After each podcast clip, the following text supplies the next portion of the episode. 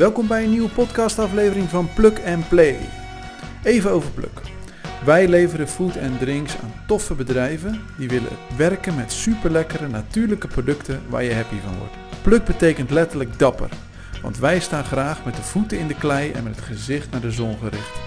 Nieuwsgierig en proefondervindelijk op zoek naar verhalen en ervaringen die echt de moeite waard zijn om met jou te delen. We serve to make you feel good.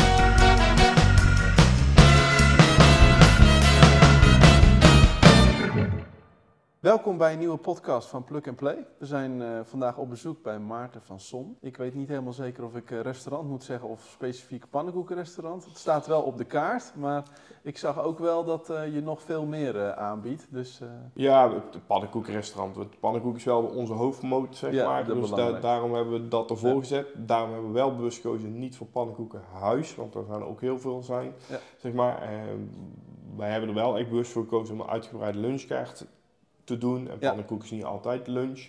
En we hebben gekozen om naast eh, de pannenkoeken nog wat andere gerechten te hebben. Daar waren we in het begin heel enthousiast mee. Eh, totdat de keuken echt een hele grote error begon te krijgen. Eh, want je moet je eigenlijk voorstellen in je, je keuken... capaciteit Nou ja, je hebt gewoon twee eilanden, zeg maar. Ja. Je hebt je pannenkoekenkant en je hebt je warme kant dan. En ehm eh, één van de twee moet leading zijn. Ja. Eh, maar als je een uitgebreide eh, hoofdgerechtenkaart hebt, eh, dan heb je dus gezelschappen binnen zitten die heel veel eh, hoofdgerechten doen, weinig pannenkoeken. Maar je hebt ook gezelschappen die veel pannenkoeken doen en weinig hoofdgerechten. En je hebt sam-sam, zeg maar. Ja.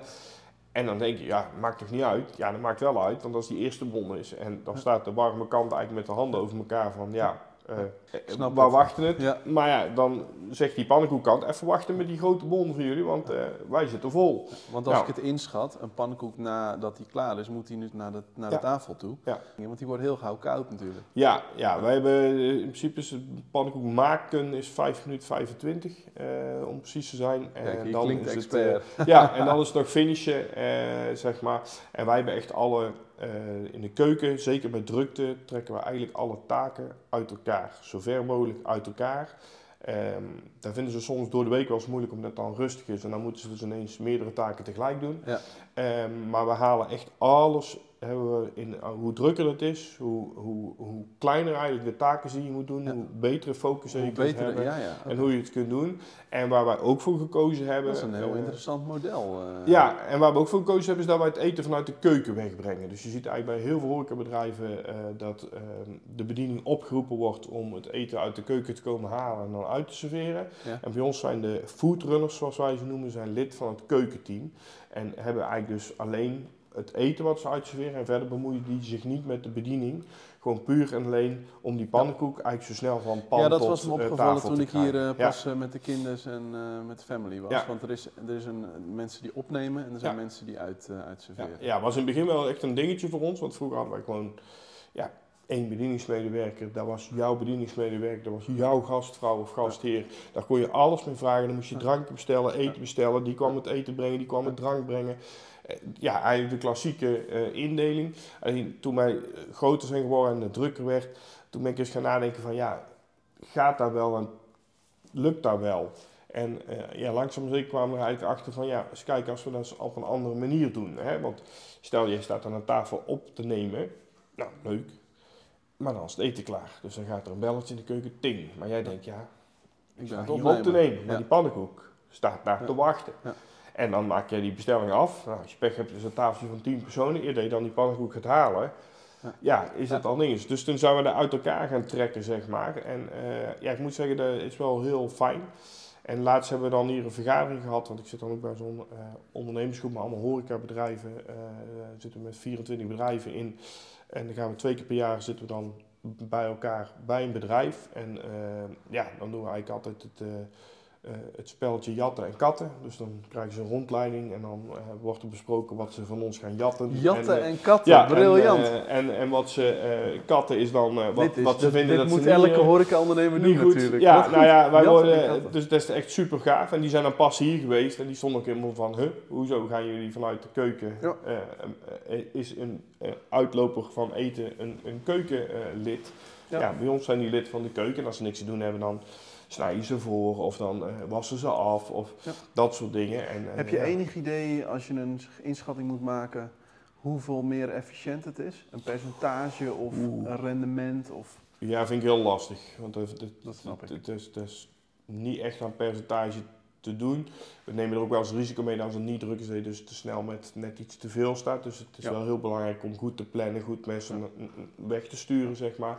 En dat En je wat, mensen... is, en wat is je gastervaring waard? Want Ja, nou ja, eh, dat is bij ons. Hè. Bij ons worden ze wel eens een beetje eh ik regel ervan dat ik daar eh, heel erg op zit. En ik krijg ook best wel vaak te horen van ja, maar jullie zijn zo groot. eh, dan eh, moet je die gastvrijheid die jij nastreeft, eh, moet je je afvragen of die nog reëel is. Ja, dan krijg ik altijd kippenvel en Ja. jeuk. Want ik vind gewoon, eh, het maakt niet uit hoe groot ik ben. Als ik we die zijn groter gastvrijheid geworden. ja, We door doen- die we doen gastvrijheid. even wat minder aan ja, de kwaliteit, Nou ja, eh. dat zie je wel bij heel veel bedrijven natuurlijk, omdat Ja, ze dan groot worden en dan zitten er heel veel lagen tussen, tussen degene die eh, eh, aan de touwtjes trekt eh, en tussen degene die doet. Hè. Je ziet nu ook in horecaland, eh zie je steeds meer eigenlijk een beetje hetzelfde als met de, de V&D's en de CNA. En zo. Alles schuift in elkaar. Ja, een soort retail-achtige eh, Benadering. benadering zie je komen. En ik weet niet of dat slecht is. Kijk, ik denk in grote steden dat het gewoon goed te doen is. Ehm, alleen, eh, ja, eh, stand-alone bedrijfjes als wij, zeg maar, die moeten er ook blijven, zeg maar. Dus ik, ik, ik vraag me af, want ik, daar zit altijd een heel grote investeringsmaatschappij achter. Die kijken naar één ding. En Nou, dat is meestal niet klantervaring. Nee, en, en, en de vraag is dan op een gegeven moment van hoe lang vinden ze het, speel, het speeltje Ja, leuk, zeg ja, maar. ja. En, en wat gebeurt er als Ja, en het wat speeltje ik- niet meer leuk En is? wat zeg ik heel opvallend vind, ik kijk natuurlijk van de, vanaf de buitenkant, maar wat ik heel erg opvallend vind is, je ziet op een gegeven moment gewoon bij bepaalde ketens, die jij noemt met investeringspartijen erachter, het rendement is onvoldoende. Ja. Dan is de vraag, hoe komt dat? Nou, dat, daar kunnen oorzaken voor Ja. zijn. En wat gaan we dan doen om het om te lossen? Gaan we de prijs omhoog gooien. Ja. Dus je ziet, ik vind dat je in de markt, zeker in food business, heel veel partijen ziet die zichzelf gewoon de nek omdraaien. Ik woon dan in Utrecht, dat is eh, iets eh, stadser dan, eh, dan, dan hier. Maar ik zie gewoon op zoveel voorbeelden. En dan denk ik bij mezelf, is er dan niemand die bij zichzelf denkt van dit leidt alleen maar in een neerwaartse cirkel. Als ik eh, nu in het centrum ergens een hapje ga eten of een drankje ga doen of eh, eh, een biertje ga drinken en ik ben gewoon echt serieus een vermogen kwijt, Ja. dan denk ik toch bij mezelf, joh. Ja, hoe vaak? eh, Nou, dat, kijk, daar hartstikke vermogen leuk kwijt, maar dan moet je... interieur hier, hoor, Ja. maar ik ga toch geen eh, 4, Nee. 5 euro voor een biertje betalen. Nee, maar je moet wel, je, je beleving moet gewoon goed zijn. Hè? Ja. Kijk, en, en, en, en, Het moet in balans zijn. ja, Dat juist, denk daar ik, is het ding. Maar dat is soms wel lastig. Kijk, wij hebben best veel jongeren hier werken. En ehm, als die binnenkomen, dan hebben ze altijd een avondje met mij, zeg maar. Want ik wil ze allemaal zien voordat ze op de werkvloer staan. Ik wil ze allemaal een hand hebben gegeven. Eh, eh, Want over hoeveel medewerkers hebben wij? we hebben er nu op het eh, hoogtepunt. op het hoogtepunt van het seizoen zitten tussen de 90 en de 95. Zo. Eh, dus dat is eh, best. Want je noemde veel, net zeg maar. Ja, maar dat is natuurlijk niet helemaal terecht. nee, hè? dat is niet helemaal terecht, maar ja, ik, ik, ja, ik, Bescheidenheid ik- zie je te Ja, nou ja, ik vind het gewoon eh, eh, ja, leuk. Maar 90 en daar zitten heel veel studenten, heel veel scholieren natuurlijk Ja, maar goed. En die, die, die, Ze hebben wel allemaal een loonstrook en Ze hebben wel een loonstrook een, en eh, moeten functioneringsgesprek en Ja. allemaal... Ja, ze hebben, we hebben van de week in de kaart gebracht. Wij doen dan één functioneringsgesprek en twee keer een 10 minuten gesprek per jaar, zeg maar. Dus ja, er zijn de- ja, de- heel veel gesprekken in Leuk. principe en dat soort dingen. Maar ik probeer ze dan ook altijd, als ze er zijn, probeer ik, heb ik altijd een beetje een flauw verhaal, noem ik dat altijd. Maar dan laat ik ze altijd het verschil zien. Hè, want wat is de grootste concurrent van de horeca? Naast de zon eh, is daar natuurlijk de supermarkt. Heel simpel. Want alles wat wij verkopen kun je uiteindelijk op wat voor manier in de supermarkt ook krijgen. Ja. Maar ik vertelde altijd een verhaaltje dat heel eh, generaliserend dat de moeder thuis die kookt, kaars aan heeft staan, die heeft al Netflix Ja. aan staan, open haartje aan staan. En die heb ik dan een boodschappenlijstje en daar heb ik een streep onder staan en daar heb ik staan hoeveel dat het kost wat ze ingekocht hebben. En dan zeg ik altijd, nou, en wil die vader die moeder ook een keer verrassen, maar jullie pa kan niet koken, zeg ik dan. Dus die gaat naar een restaurant. Nou, dan vertel ik altijd dat het regent en dat ze aankomen bij het restaurant, dat er niet gereageerd wordt, dat de tafel plakt, dat de reservering niet opgeschreven stond. Eigenlijk gewoon alles wat fout kan gaan, heel overdreven vertel ik dat. Ja. En vervolgens laat ik het kassabonnetje zien van eh Kost ook nog drie keer maar. zoveel als de boodschap. Nou, en dan zeg ik, wie maakt dat verschil? Wie rijdt dat gaatje dicht daartussen? Hè? Want eh, de boodschap is misschien 30 euro en eh, uit eten is al 100 euro met z'n Ja. twee bewijs van. Wie rijdt dat gaatje Ja. van die 70 euro dicht? En dan kijken ze altijd zo aan. En dan stel ik ook de vraag, wat is het belangrijkste wat wij verkopen? Nou, dan komt hij, hè, pannenkoeken, bier, dit en dat. Nee, gastvrijheid. Beleving. Maar daar staat niet op de kaart. Nee. Daar zit erin begrepen. Hè? Dat is net als wat je toen straks zegt met die logistieke kosten, dat er bij sommigen in. Bij ons zit die gastvrijheid Ja. zit erin. Die kan ik ook niet los op de kaart gaan zetten, want ja, dat is nog not done hier in Nederland.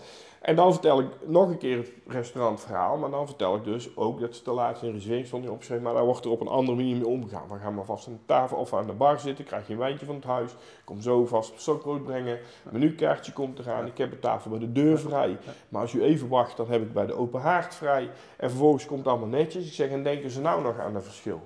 Nee, want ze hebben een hartstikke leuke avond gehad. Ik zeg, nou, ik zeg, maar wie heeft dat verschil dan gemaakt? Ja, wij, zeggen ze dan. Ik zeg, nou mooi. Ik zeg, als dat kwartje gevallen is, ik zeg, je gaat daar de de werkvloer doen, dan kunnen we aan de slag, Goed, zeg man. maar. En, Ja. en dat doen we dan op die manier.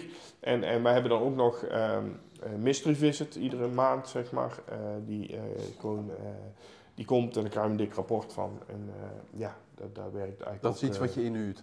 Ja. Een bureau of die dat eh, Ja. komt doen. Ja, die komen twee keer per jaar training geven. Dus altijd met terras opstarten komen ze een training geven. En dan meestal voor de winter, omdat als het rustiger is, het juist net moeilijker is om die gastvrijheid hoog te Ja. hebben.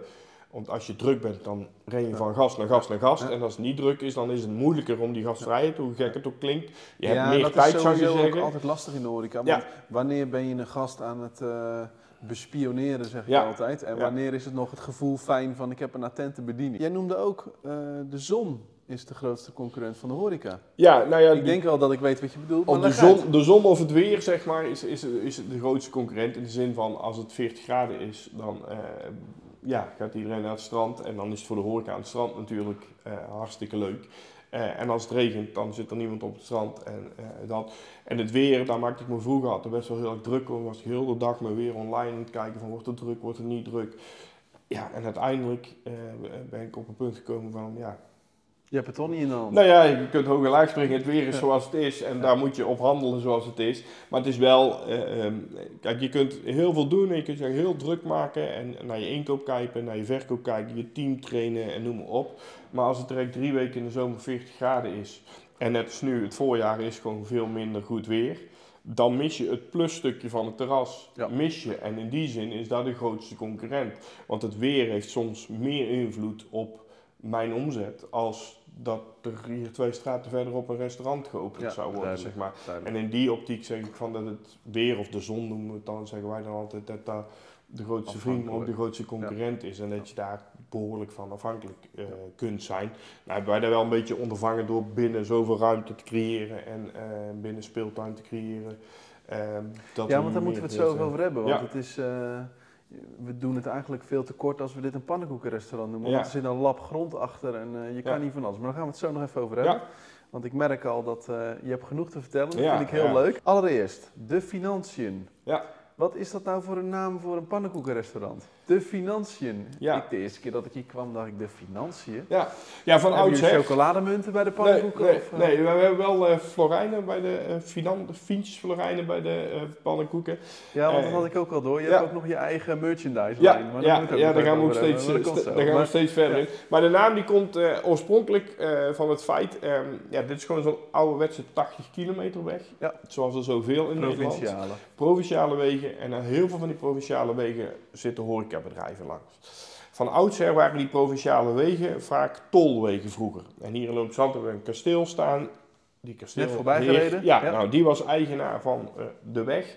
En dan moest tol gegeven worden. Dus waar komt er dan te staan? Een tolhuisje. Ja.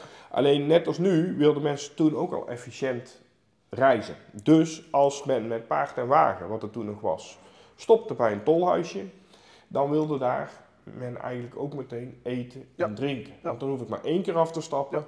Ik kan in één keer doen en daarna kan ik weer doorreizen tot Ja, het ik weet volgende toevallig van het koetsierbier. Ja, In nou. zo'n koetsiersglas. Ja, nou precies. het vanaf de koets konden ze Ja. laten vullen. Nou, Nou, dat was... eh, in die tijd is dat allemaal geweest en daar is eigenlijk de naam vroeger Finantiën met de T en dan zonder N erachter, zo heet de straat een eentje verder ook nog zeg maar.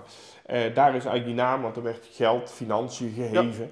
En eh, ja, bij ons is die naam eigenlijk gebleven. Toen mijn vader in 1976 het overnam, toen heette het Melody Bar of zoiets, want toen was het echt nog gewoon een kroegje. En hij heeft eigenlijk de oude naam weer in ere hersteld. En toen ik het overnam, toen heb ik gedacht van ja, wat doe ik ermee? Ik heb heel veel andere namen opgeschreven en gedaan. En eh, ja, toen toch een keer rondgevraagd van, eh, is nou de naam die mensen herkennen of is nou de plek die mensen herkennen? Want heel veel mensen hebben, hebben ook een midgetgolfbaan die weten van, oh die midgetgolfbaan tussen de Efteling en, en Tilburg in. Ehm, maar die weten de naam dan niet. Nee. Maar uiteindelijk na een beetje onderzoek bleek dat heel veel mensen de naam eigenlijk goed wisten. Ja. En daar Mooi hebben wij dus, eh, ja, dus toen is. hebben wij gezegd van nou, we, we houden die naam. En we zijn eigenlijk die naam op een gegeven moment ook steeds meer gaan ehm, eh, omarmen in die zin. We hebben hier een klein tolhuisje nagebouwd eh, eh, in, het, in het restaurant staan. Eh, de kinderen krijgen bij de kinderpannenkoeken dan financiën florijnen. Dus in Ja. plaats van dat je tol moet betalen, krijg je tol als het ware, zeg maar. Ja. En we hebben dan onze mascotte Fientje, ehm, heet die. En ehm, ja, daar is een heel verhaal eh, omheen gebouwd, zeg maar. Hoe Fientje aan de kleding is gekomen. Want die heeft dus een soort oud koetsiersjasje aan. En die heeft hij boven op zolder gevonden, eh, omdat hij hier is blijven liggen van vroeger. Ja. En zo wordt eigenlijk aan de kinderen eh, ook op een leuke manier Ja, uitgelegd ik waar die vind dat, eh, ik, komt. zoals ik al zei, Dus, ik heb eh, hier natuurlijk een pannenkoekje gegeten met de Ja. familie. Ja. ik vind het helemaal briljant. Ja. Voor mij is het nog geen vier, maar Ja. die loopt in één keer met die munten rond. Ja. Nou liggen er in mijn auto allemaal van die rode munten. Ja, En ja. het werkt gewoon, Ja. want je hebt een reminder en Ja. het is leuk en je krijgt het mee. En uiteindelijk kan je het inleveren, maar dat is Ja. zo slim. Leuk, Ja, en we zijn nu dan Leuk. een beetje in gesprek ook om te kijken of onze mascotte die we hebben dan, of we daar dus, want we hebben nou een speelgoedwinkel, maar we willen eigenlijk daar ook nog ehm, eh, onze eigen merchandise maken in de zin van echt, onze mascotte wordt dan een knuffeldier, onze mascotte wordt een frisbee, Oh ja. onze mascotte wordt bellenblaas en dat soort dingen allemaal. Want dan liggen niet alleen die munten bij jou thuis, maar ligt ook die bellenblaas, die knuffel en die ding thuis en daar spelen ze mee. Dus dan komt de herinnering thuis nog iets vaker. En vaak bij kinderen van de leeftijd van, hè, van vier, zeg maar, eh, is het toch wel vaak dat kinderen dan ook beslissen eh, Ja. waar ze uit eten gaan. En als ze dan zeggen, Die ik wil, zijn zeer leidend. ja, ik wil weer terug naar, eh, naar de pannenkoekenhuis waar Fientje was, of van die rode muntjes. Ja. Ja. dat is eigenlijk hetgene wat je dan een beetje daarmee probeert Slim. te beogen. En we hebben dan ook een kidsclub nog daarlangs staan, zeg maar, waar kinderen gewoon een ouderwetse, geen e-mail, geen internet, een ouderwetse briefkaart krijgen met een verjaardag. Die komt altijd anderhalve week ongeveer voor de verjaardag. En dan krijgen ze een gratis pannenkoek. En toen verklaarde ik heel veel collega's mij gek van je gaat er niet zoveel pannenkoeken weggeven. Want we hebben inmiddels 600 kidsclub leden. Waarvan ongeveer ehm ja, twee derde ehm, ook inlevert. Eh, je geeft één pannenkoek weg. Maar de kind komt niet alleen. Die tafel zit vol. En vaak zit opa en oma er ook nog bij. Tuurlijk. Dus dat is, ja, dat is dan Ik voor ben ons het eh, is daar helemaal Ja. mee eens. Sympathie wordt echt onderschat in Ja. het. Horecavak, vind Ja. ik. Inspirerend hoe je dat eh, allemaal doet. Ik hoor ook ondernemers denken, waar haalt hij de tijd vandaan? Maar als ik goed luister, is dit dus een familiebedrijf. Je Ja. bent tweede generatie. Ja. Moet ik me voorstellen, eh, kleine Maarten eh, stond beslag te maken en eh, is echt al eh, in de puberteit hier eh, in de keuken gestart? Of Ja, bijna. Wel, toen waren we nog geen pannenkoekrestaurant, want daar heb ik ervan gemaakt. Vroeger was het een café met een feestzaal, zeg maar. Oh, en de feestzaal werd steeds groter. Maar ik heb ja, in de keuken bij mijn oom gestaan, die was onze kok, zeg maar. En ik moest dan de stukjes peterselie op de gevulde eieren leggen. Oh ja. En dat deed ik al vanaf mijn tiende, zeg maar. En toen ben ik inderdaad gewoon in de bediening gerold. Eh, van mijn 17 tot 20 ben ik even weg geweest. Eh, heel simpel, omdat het gewoon met mijn vader te veel botste. En Ja. eh, ik ook wilde zien wat er Ja. nog meer op de wereld was. Wat Dat heb je toen gedaan? Toen ben ik, heb ik bedrijfseconomie gestudeerd, afgemaakt, HAO. En toen ben ik bij ECS Catering gaan werken, dat is van Compass Group. En die hadden eigenlijk alle eh, bedrijfsrestaurants van Philips en alle eh, bedrijfsrestaurants van de PI's, allemaal in Nederland. En er waren totaal 230 restaurants. Dat is bij Eindhoven ook. Ja, dat is bij veel, Eindhoven. eh, ja, maar die, die, dat is nou allemaal overgenomen, dat zit allemaal in Amsterdam. Maar toen, daar ben ik gaan werken bij planning en control. Dus gewoon van 9 tot 5 op kantoor achter de... Maar wel weer werken dus. Ik, was even, ik dacht eventjes van misschien ga je zeggen dat je bent gaan reizen of Nee, eh, nee. dat je lekker eh, ben, eh, veel bent gaan Nee. stappen. Of, eh, Nee. Nee, ik ben echt ga- gaan werken gewoon om Altijd te ervaren wat, wat Ja. het was. Om, om, want ik wilde een keuze maken voor mezelf van... Wil ik de ondernemerschap doen? Wil ik de horeca doen? Maar ik wist helemaal niet wat een baan van 9 tot 5 was. Ik, daar had ik helemaal geen je ben je, je, ben je kapot van? Of, uh... Nou ja, ik, het is niet dat ik daar vrolijk van was. Nee, nou, dat was niet mijn ding. En dat was wel redelijk snel duidelijk dat Mijn vader heeft altijd tegen mij gezegd: besef je goed, want ik heb het eerste deel dus uh, zeker in loondienst ook gewerkt. Mijn vader zei: besef je goed, als je ooit vanuit loondienst gaat ondernemen, kan je nooit meer terug. Nee. Want dan ben je echt ja. best voor de rest ja, van je leven. Dat geloof ik best. Ja, ja, ondernemen is gewoon leuk. Ondernemen is ook pittig en ja. ondernemen is stressvol je en zwaar. je moet het kunnen. Maar het is, ja, er zijn zat mensen die inderdaad van 9 tot 5 daar heerlijk op, op, op gaan. Alleen ik zat echt gewoon, ja, het, het, het mooiste voorbeeld is eigenlijk, eh, want ik, het bedrijf was er nog, dus ik werkte op kantoor, maar toen de relatie met mijn vader weer beter was, werkte dus het weekend gewoon hier. Dus ik werkte van maandag tot vrijdag van 9 tot 5 op kantoor.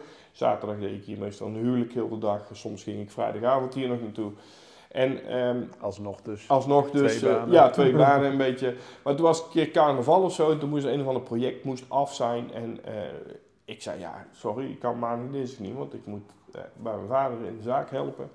En toen zei hij, ja, ja, maar project moet af. Ik zeg, het project is af. Ik zeg, maar laat me wel maandag dinsdag dat doen.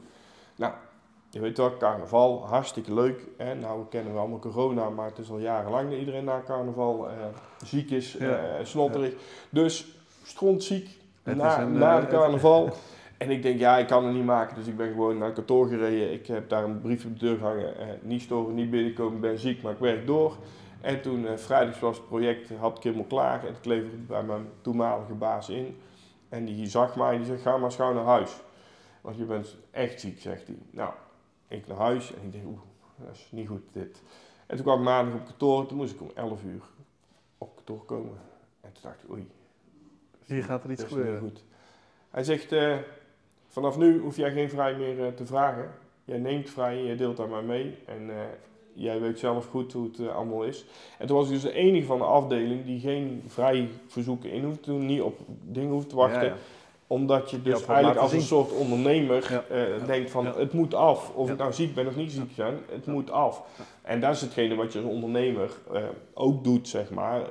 Uiteindelijk, je hebt heel veel vrijheid als ondernemer en je kunt heel veel doen. Maar je hebt ook heel veel verantwoordelijkheid, want er is niemand boven je die... Uh, nee, als puntje bij paaltje komt, moet jij het doen. En als iedereen omvalt, moet jij blijven staan. Even interessant, dus, ehm, je bent 17 botst met pa, is denk ik ook helemaal niet verrassend. Want je wordt dan een, eh, een beetje flink volwassen richting die, althans je denkt uh, dat je al heel veel uh, weten kan. Wat is dan wat botst? Is dat in de vorm van, ik begin zo langzamerhand ouder te worden en ik zie dingen die ik op mijn manier wil doen en dat wordt niet getolereerd? Of hoe? Ja, dat en twee heel eigenwijze mensen. Ja, precies. Dat, is gewoon, ja, twee haantjes. En, nee, als ondernemer ben je, moet je ook een beetje eigenwijs zijn, zeg maar. Als je dan die eigenschap niet hebt, dan kun je in mijn ogen niet echt ondernemen. Durf je ook niet echt beslissingen vaak te nemen? Nee, en, en ik riep al uh, vanaf mijn vijftiende dat dit wat er nu staat, dat dat kon, zeg maar. En uh, ik ben me later pas gaan beseffen dat dat voor mijn vader natuurlijk helemaal niet fijn was. Dat iemand van 15 tegen hem aan het roepen was van je doet het niet goed en je kunt er meer uit halen, je kunt dit. En ik snap best dat mijn vader toen dacht van ja, hallo, uh, ik doe dit al twintig jaar, uh, wat bemoei je hiermee? En maar uiteindelijk overheerste de trots, of niet? Ja, nee, uiteindelijk. Het, ja, die werkt nog steeds. Die is 80 en die werkt uh, iedere dag in principe nog 4, 5 uur, zeg maar. Die is onze directeur buitendienst, noemen we hem dan. Dus die doet uh, alles uh, buiten qua onderhoud, qua techniek, qua ja, tuin, alles houdt hij bij en hoeft helemaal niet naar om te kijken. Dus je hebt een en, fantastische verstandhouding. Ja, inmiddels weer wel. Ja, dat is toen allemaal best wel, heeft even geduurd. ja, dus, en nu gaat het, gaat het goed en hij doet het buiten en hij zal het vast niet overal mee eens zijn was het toen overigens ook niet meer eens hebben over gingen stappen naar pannenkoeken, zeg maar. Want zijn ding was een kroeg met feestzalen, zeg maar. En hij kende ook alle mensen uit de kroeg, zeg maar. En, ja. natuurlijk, nee, en ik ging daar ombouwen en uh, ja, de, om hem mee te krijgen heb ik hem toen een A4'tje gegeven met allemaal vragen. En toen heb ik hem iedere, uh, acht weken achter elkaar geloof ik, uh, uit eten gestuurd naar een pannenkoekenhuis in Brabant. En dan moest hij opschrijven hoeveel mensen dat er werkten, hoeveel zitplaatsen er binnen was, wat de gemiddelde oh, prijs was, welke pannenkoeken. En hij kwam iedere week enthousiast op terug. Van, en toen na de zesde keer of zo, ja, moet ik nou die andere twee nog gaan bezoeken? Het is toch duidelijk dat we dat moeten gaan doen? zeg, dan moest je er toch nog naartoe. Maar op die manier is hij er warm voor top. gedraaid uiteindelijk. Dus was ook wel Heb je ook wel heel mooi uh, op die manier uh, hem erin betrokken. Ja, en, uh, ja, ja, Want ik zat van het weekend al eventjes met wat vrienden. En mm. toen vertelde ik dat ik deze kant op ging. En nou komen die vrienden niet uit de horeca, maar die zeiden wel van ja, nou, ik heb wel het idee dat als je nou iets moet beginnen in de horeca, als iets nou lucratief is, Ja, dan is het volgens mij wel een pannenkoek. Toen, zei- toen zei ik ja, ho ho, veel medewerkers, Ja. eh, veel piekmomenten, je moet, het, je moet altijd er zijn en het moet altijd doordraaien. Maar is het zo dat je kan zeggen dat over het algemeen pannenkoeken wat dat betreft dan lucratiever zijn dan bijvoorbeeld een hamburgerzaak? Of, eh, als je zorgt dat je volume hebt, heb je gelijk. Als je geen volume hebt, ga je meteen nat. Dus Ja. het is wel een balans, zeg maar. Ehm, als je, ehm, de marge is goed op zich, ehm, maar je vaste kosten zijn ook hoog. Wij werken bijvoorbeeld bij pannenkoeken carousels. Die vreten stroom. Nou, we weten allemaal wat de stroomprijs Ja. mee aan de hand is een geweest. pannenkoekencarousel, Ja. daar gaat een wereld voor me open. Ja. Wat moet ik me daarbij voorstellen? Ja, dan moet je gewoon voorstellen dat er acht pannen zijn op een grote draaischijf. En die draaien eh, in een grote ronde. En de helft van die draaischijf is dan een soort van overkap met nog warmte-elementen erop. En zo eh, draait de pannenkoek eh, rond. Is dat ordinair Dus, gezegd een beetje zoals die kip in, eh, die, die rondgaat in zo'n... Ja, eh, een beetje, ja. Daar dat kun je een beetje mee vergelijken. systeem ja. qua- ja. En je hebt dan qua een verschil, garing, ja, en je hebt dan verschillende carousels, want wij eh, flippen de pannenkoek nog om. Dus bij ons gaat die twee rondjes, want ik Ja. wil dat de pannenkoek aan twee kanten gebakken wordt. Maar je hebt ook al pannenkoeken die meer een halve pizza zijn, waardoor de bovenkant gewoon zo hard bakt dat die niet meer omgedraaid hoeft Ah, te worden. Ja. En, ehm, maar of ik nou vandaag 10 pannenkoeken daarin bak of 500 pannenkoeken erin bak, die carousel is die carousel, die Ja. vreet die stroom. En die Dus je hebt hoge opstartkosten, zo Ja. zien. Nou ja, kijk, en vooral omdat we van de feest en partijen kwamen. Feest en partijen is natuurlijk heel simpel. Als je geen feest hebt, heb je geen kosten. Nee. Alles was variabel. De omzet was variabel, de kosten waren variabel. En dat is nu niet. Je hebt nu best wel hoge vaste kosten. Ja. Ehm, maar als je volume draait, net als nu hebben we mijn vakantie net gehad, ja, dat is voor ons. Pannen van hoor, dak. hoor je wanneer de zon schijnt, heel simpel. Hoeveel En- pannenkoeken en, doe je op een dag als het echt eh, pannen van dak is? ja, het verschilt heel erg, maar de, even kijken, als we afgelopen zaterdag bijvoorbeeld kijken, zaten we aan de 775 eters ongeveer, zeg maar. Dus Ja. eh, dat tikt aardig eh, Mooi, door, man. zeg maar. Ja. Dat is gewoon heel veel, maar dat is ook heel vaak als je met andere ondernemers die in de horeca erover praat, ja, die schrikken dan 775. Ja, ja, tuurlijk. dingen. Dat is hartstikke veel. Hartstikke veel, maar de gemiddelde besteding is natuurlijk wel vrij laag ten opzichte van een ander restaurant. Hè? Dus als jij een restaurant hebt met 40 couverts en je draait op een avond anderhalve Ja, maar tafel. goed. eh, Ja, Ja, dat, is waar, maar ik denk dat uiteindelijk eh, je tafel vaker verkopen eh, Ja. lucratiever is dan Ja. eh, Ja, mensen langer in huis en dan een hogere bon. ja, wij hebben er uiteindelijk ook voor gekozen om zaterdag zondag bijvoorbeeld niet te reserveren. Dat is ook zo'n beslissing die ik dan genomen heb waar eerst weerstand voor is. En ehm, is wel een gok. Ja, dat is een grote gok geweest, maar het, ik moet zeggen, het geeft op een rare manier rust. Ja. In die zin, ehm, waar wij steeds meer mee geconfronteerd werden, waren mensen die te laat kwamen, Ja. eh, niet kwamen, maar half groot waren. Ja. En je wil ook niet vijf minuten na de reserveringstijd meteen die tafel weg. Nee, want je mensen wil tien minuten later ja, komen. want je wil gastvrij dan blijven, je want van, wij eh, hebben de Efteling hier om de hoek zitten en er komen best veel gasten uit de Efteling. Ja. Maar ja, eer je daar parkeerterrein af bent, kost best wel wat. En dan staat er, maar soms staat er dan een rij, hè, mensen, een wachtrij. En dan zeg ik tegen jou van ja, oké, eh, hoeveel mensen zijn jullie? Ja, acht zeg je dan. Ja, die tafel is vrij, zeg je. Ja, dat klopt. Maar die is om half zeven gereserveerd. En dan sta je drie minuten. Ja, En dan denk je, nou, het is nu drie minuten later. Nu kunnen we er wel zitten. Ja. En, en waar ligt dan de grens? En wanneer van- zeg ik dan van wanneer Ja, kun je zitten of niet? En nu is het zo, als we niet reserveren, eh, één, eh, je hebt iets minder grote groepen. Eh, want dat is, wij richten ons op drie generaties, hè, dus kinderen, kleinkinderen en de ouders in principe, en grootouders, dus deel dat spectrum. Ehm, maar als de groepen te groot zijn, dan is de omloopsnelheid weer lager. En door niet te reserveren zijn de groepen kleiner Ja. aan tafel en is de omloopsnelheid dus groter. Want je gaat het niet in je hoofd halen om zonder reservering met een groep van 8 tot 10 man en vergens uh, Ja, op een gebeurt, gebeurt wel, maar Ja, er maar zijn er geen, zijn er geen twintig Mensen die achter een beetje elkaar. zeg nadenken, maar. die Ja, iets dat minder valt op zich wel eh, mee, ja. inderdaad. Ja. En, en, ehm, maar je ziet daar dus gewoon eh, door dat nu is het ook zo dat gewoon de. ehm, eh, als er een rij staat, zit ik vol. Ja. Klaar. Ik kan gewoon oprecht, zonder blik in het tegen je zeggen: Ik heb geen plek. Nee. En als ik plek heb, ben je de eerste precies. die aan de beurt is Ja. om daar te gaan Ja. zitten. En we zien in principe loopt het. Hè, we hebben 255 zitplaatsen binnen, dus dat is best redelijk veel.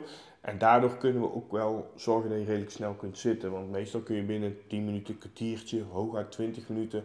En als je dan met zo'n groep bent van 10, 13 mensen, ja, dan moet je wel eens een half uur wachten. Charteren. Maar meestal eh, lukt het wel, zeg maar. Hey, hoe eh, hou je als ondernemer eh, de balans erin? Want ik stel mij voor dat je hier, als je wil, eh, rustig eh, de hele week eh, Ja, ja, ja. tijd kan besteden. Nee, je kunt, hoe doe je eh, dat? Je, je- ziet er je kunt best hobbyen. uitgerust Ja, uit. je dus, kunt eh, hobbyen waar, waar je wil, zeg maar. Ja. Ehm, ja, hoe doe je dat? Hoe, is de, hoe is de familiesetting? Werkt de, de familie ook? eh Ja. pa? De, Pa loopt hier rond, eh, moeder eh, niet, zeg maar. Mijn vrouw werkt op kantoor drie dagen in de week en één keer in de maand als floor manager in de bediening. ja. Om de floor manager eh, rust te geven, zeg maar. En mijn dochter, die is eh 15 nu, dus die is ook begonnen met werken hier. Moest die heb je ook eh, al aangestoken? Ja, met, nou ja, eh, die kwam zelf, want wij eh, waren thuis een beetje mooi. aan het mopperen Dat we met te weinig waren. Dus kan ik niks doen. Oh, wat leuk. En zei ze toen ze 14 was, ik zeg nou, ik zeg, we doen even Ja, wachten. ja. En toen, eh, nou, zei ze, ja, ik ben nou 15. Ja, Oké, dus nou mag ze beginnen en eh, die loopt dan rond. Eh, dus dat is wel leuk. En de, de kleinste is 13, maar die loopt ook, die wil heel graag de keuken in. Ja. Alleen die houden we nou ook nog eventjes eh, even tegen, zeg maar. Eh, Mooi dus man. dat is goed. En op kantoor zit normaal, eh, ja, Zijn het wel onder- ook ondernemende typjes? ja, ja, ze Ah, zijn dat er wel en ook met een sterke mening. Dus jij bent al in je, maar. Dus, in je eh, vuistje aan het dus- lachen hoe dit, hoe ja, nou ja, ze moeten het zelf, zelf zoeken, vind ik. Hè. Maar mij is vroeger gepusht dat ik het moest overnemen, zeg maar. En nu, nee, ik heb zoiets van, nou, ze moeten doen wat ze willen. En, en ja, als ze het niet doen, is goed. En als ze zeggen van, verkoop het en... eh, of ik verkoop het, dan wil ik ze ook helpen met een ander horecabedrijf Ja, wat van hun zelf is. Maar ja, ze, ze zijn nog behoorlijk jong, ze moeten zich zelf in ontwikkelen, vind ik. Kijken wat ze Eh, leuk ja, vinden. dus dat ga ik doen. Ja, en waar jij vraagt van hoe je die Ja. balans hebt gevonden. ehm, eerlijk gezegd heb ik de balans pas gevonden toen ik twee keer kaart in de muur ben gelopen. Ik had geen balans, gewoon niet. Ik werkte hier. En Zeer ik leefde hier en Ja. ik was hier. Ja. En, eh, Je ging eh, door het geluid. ja, mijn Er vrouw zat- en ik er die zat hebben... geen, En er zat ja, geen plafond op. Nee, mijn vrouw en ik hebben in Tilburg gewoond, eh, maar ik heb daar geslapen en zij heeft daar gewoond. En ik werkte gewoon 80, 100 uur in de week. Totdat een vriend tegen mij op een gegeven moment zei van, schrijf nou eens je uren op. Ik zeg, schrijf nou eens je uren op. Ja, of zet het in Excel of wat dan ook. Hij zegt, ga je uren bijhouden. Zeg, ja, hoe uren bijhouden? Ik ga het er niet een keer opschrijven. Hij zegt, doe dat nou toch eens een keer. Hij zegt, want je hebt niet in de gaten waar je mee bezig bent. Hij zegt, en jij valt er een keer om, zegt hij. Ja, oké, uiteindelijk toch maar eens gaan opschrijven. En dan zie je de aantal uren staan en dan denk je, wow, eh dit gaat eh, wel heel erg eh, veel zijn. Nou, ik was toen ook altijd licht aangebrand, eh, snel boos en schreeuwen zeg maar, tegen iedereen die je dan Want tegenkwam. dat is het vaak. Hè. Je kan wel meer eh, kwantiteit brengen, Ja, maar de kwaliteit gaat naar beneden. En dat Hard. geldt voor ieder mens, dus ook voor jezelf. Ja, en we hebben toen op een gegeven moment de turn gemaakt dan naar pannenkoekenrestaurant en die feest en partijen laten zitten. Nou, dat gaf me al meer rust en gaf al meer balans. Want dit is over het Dus- algemeen iets, eh, Nou ja, iets meer... eh, half tien zijn we klaar. Ja, precies. Dus, iets eh, beter En we beginnen s morgens om half tien in principe. Of als je op kantoor begint, dan maar iets in. Maar in principe is het tussen half tien en half dat tien. was al een belangrijke stap. Ja, dat was een heel belangrijke stap. Nou, toen zijn we verhuisd van Tilburg naar het dorp hier, wat ook iets dichterbij was. Dus dat het afstand en dat je ook makkelijker zegt van ik ben eventjes twee uurtjes naar huis. En eh, ja, uiteindelijk heb ik daar ook gewoon voor mezelf, want toen ben ik gewoon een keer echt tegen de muur gelopen dat ik hier een keer op een heel drukke dag gewoon helemaal trillend op een fiets bij- gestapt ben. bijna Ik ben gestrekt. ik geloof drie keer de duinen omgefietst en eh, toen eh, ben ik tegen een boom gaan zitten en eh, ben ik bij mezelf tot ingekomen van dit werkt niet, want inmiddels hadden we ook al twee kinderen dan. En toen heb ik tegen mijn vrouw gezegd van, dit moeten we anders gaan doen. En toen hebben we eerst voor gekozen om een dag in de week dicht te gaan. Maar ja, de grootte van het bedrijf die wij hebben, ben ik daar niet zo fan van. Want vind ik eigenlijk dat we gewoon zeven dagen in de week open horen te zijn. Ehm, en toen ben ik gaan zoeken naar de mensen om me heen. En ik ben toen ehm, eh, een cursus gaan volgen, of een training eigenlijk bij Michael Pilarczyk. Die ken je denk ik wel. Ja. Nou, daar heb ik dus ehm, ja, eh, tijdens corona ex- extra nog een cursus gevolgd, omdat ik toen extra tijd ervoor had.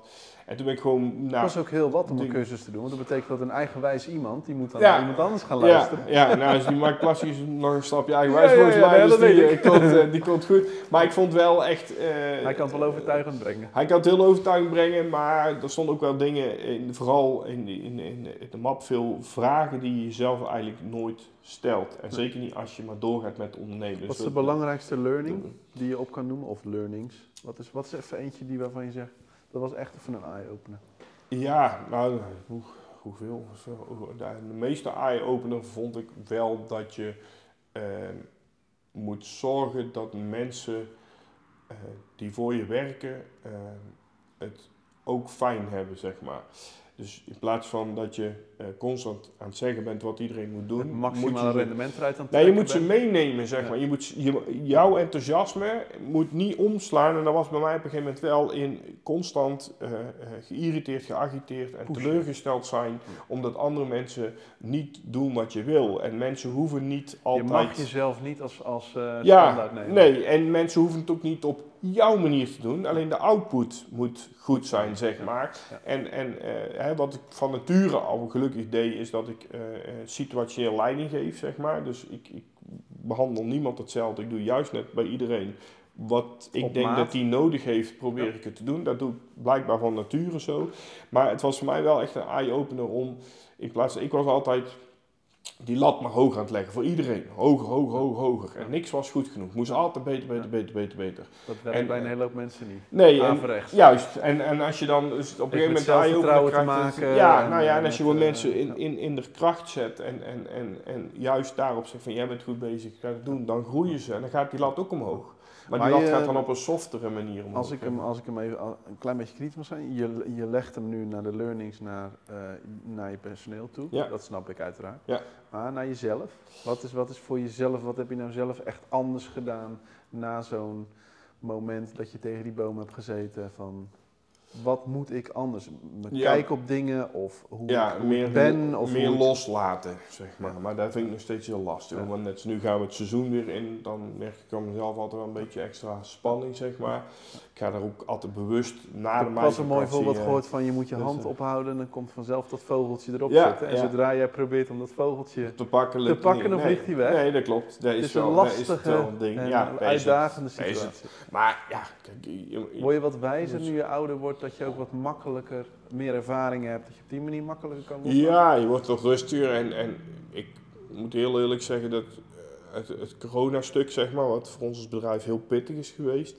Ja, je kan geen pannenkoeken gaan bezorgen. nee, nee, je kunt- van, van het erf rijdt is die koud. Ja, je kunt, dat kan ook enigszins, maar ja, echt zo dan dijk zijn niet. Maar het heeft op een gegeven moment ook wel eh, het vertrouwen gegeven, zeg maar, want je was dicht.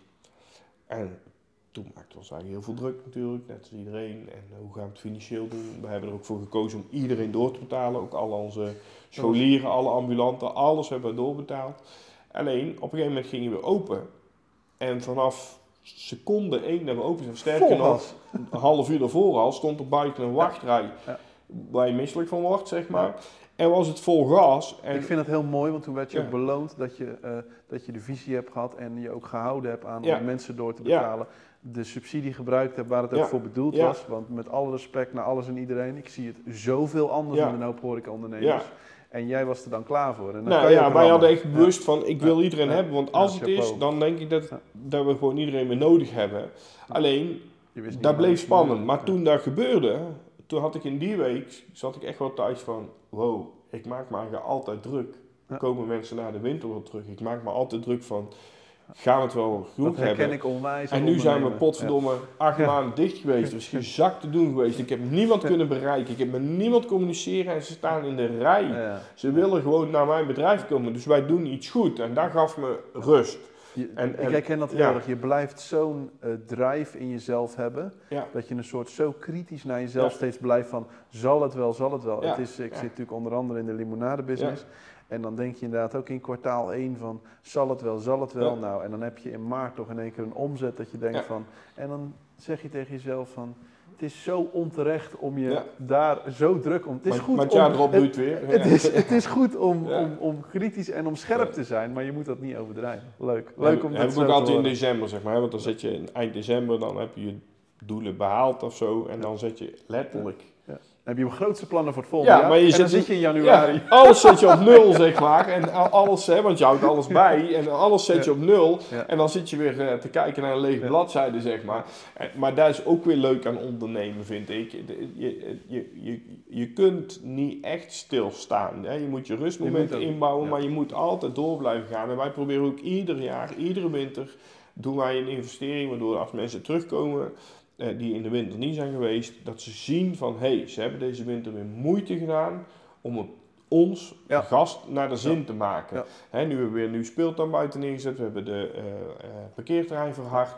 En zo Nou, proberen we iedere winter proberen we iets te doen, waardoor, hè, want in de winter kunnen we eh, Heb je daar tijd rommelen, zeg maar. En, en we proberen iedere winter iets te doen. Daar heb ik echt nagenoeg een stelregel. Ik wil elke keer laten zien dat wij voor onze gasten iets doen. Dat wij weer geld uitgeven om het voor hun Ja. mooier en beter te Ja. maken. En daar wordt ook wel, eh, ja, altijd wel gewaardeerd. Want ook dat is weer sympathie. Ja. Het is toch, Ja. zo simpel is het toch. Ja, Het is niet simpel, maar zo nee, simpel ja, is zo het. is het simpel. Ja. Ehm, ik wil bijna gaan afsluiten. Ik heb nog twee vragen aan je. Ja. Eentje is, ehm, eh, ik vraag altijd eh, om een hoogtepunt en een dieptepunt. Nou, je hebt al wel wat dingen natuurlijk genoemd. Ja. Maar als je als, echt als ondernemer persoonlijk, als je een hoogtepunt en een dieptepunt zou moeten noemen. We beginnen meestal met het dieptepunt, want het is leuk om... Met, Met een hoogtepunt Ja, kan ik er ook iets langer over nadenken. ja. Nee, dieptepunt is heel simpel voor mij. En dan moet ik uitkijken dat ik niet begin te janken. Eh, afgelopen november hebben wij een van onze jongens uit de keuken 23 eh, ja, begraven. En ja, dat niemand wil je Nee. dat doen. En dat is gewoon, eh, ja, dat... eh, Dat is verschrikkelijk. ja, mijn jongen was hier met zijn 16 gekomen. Oh, wauw. Uitgegroeid tot een jonge kerel, jong volwassen gast. En, eh, Ook mogen helpen hier- om hem te vormen. nou ja, is hier komen stage lopen. En ja, dat is met alle jeugd. Hè. Ze komen hier binnen, ze kunnen niks en ze gaan. En dan kunnen ze wel iets. Dat, dat vind ik leuk, zeg maar, Ja. dat ze het doen. Ja. En die jongen is steeds gegroeid, gegroeid, gegroeid. En op een gegeven moment was het, eh, die afgelopen film daarvoor had hij ja, hier een beetje een plekje zitten. En ja, dat bleek eh, een beetje delen kanker uiteindelijk te zijn. In november eh, is het echt bergen afwaarts gegaan. En ik ben gelukkig toen nog op zondag geweest en donderdag zoals hij toen Overleden. overleden. En, en eh, ja, voor, ook voor de groep mensen die we hebben natuurlijk, want wij hebben heel veel jeugd. En hij was inmiddels dan 23. Maar toen hij 19 was, komen er nu weer 16 jaar hier Ja, binnen. natuurlijk. En wij gaat het dan, hey, als je een Wesker wilt versieren, dan moet het Ja. zo Ja, ja. Dus hij was eigenlijk een beetje... Eh, ook Ja, nou ja, het mannetje van, die dat deed, zeg maar. dus die jongens die nou dan 18 waren, die hadden er echt moeite mee. En we hebben dan zo'n avond gehouden hè, met eh, een altaartje hier gemaakt. En dan konden ze allemaal na, eh, naartoe. Maar toen zag je wel, die meiden die beginnen te janken en die omhelzen elkaar allemaal. Ja. En die jongens zag je allemaal van, Die, ja, die weten niet waar ze heen moeten. Nee, kan ik mijn emotie tonen? Ja, eh, Kan ik een meisje vastpakken? Want dat kan tegenwoordig ook al niet meer, zeg maar. Hè, dus dus die, die zag je echt heel erg ehm, ehm, ja, daarmee eh, Ik vind het, eh, ik vind het Dus, eh, mooi, eh, het, het is uiteraard heel triest eh, wat Ja. je vertelt, maar het is eh, wel heel mooi om te horen en ook als voorbeeld dat je dus als ondernemer en met zo'n mooi bedrijf, dat je dus ook veel meer bent dan Ja. Pannenkoekenrestaurant. Ehm, eh, als in dat je dus ook maatschappelijk zo'n Ja. rol hebt, je vormt ook jonge mensen.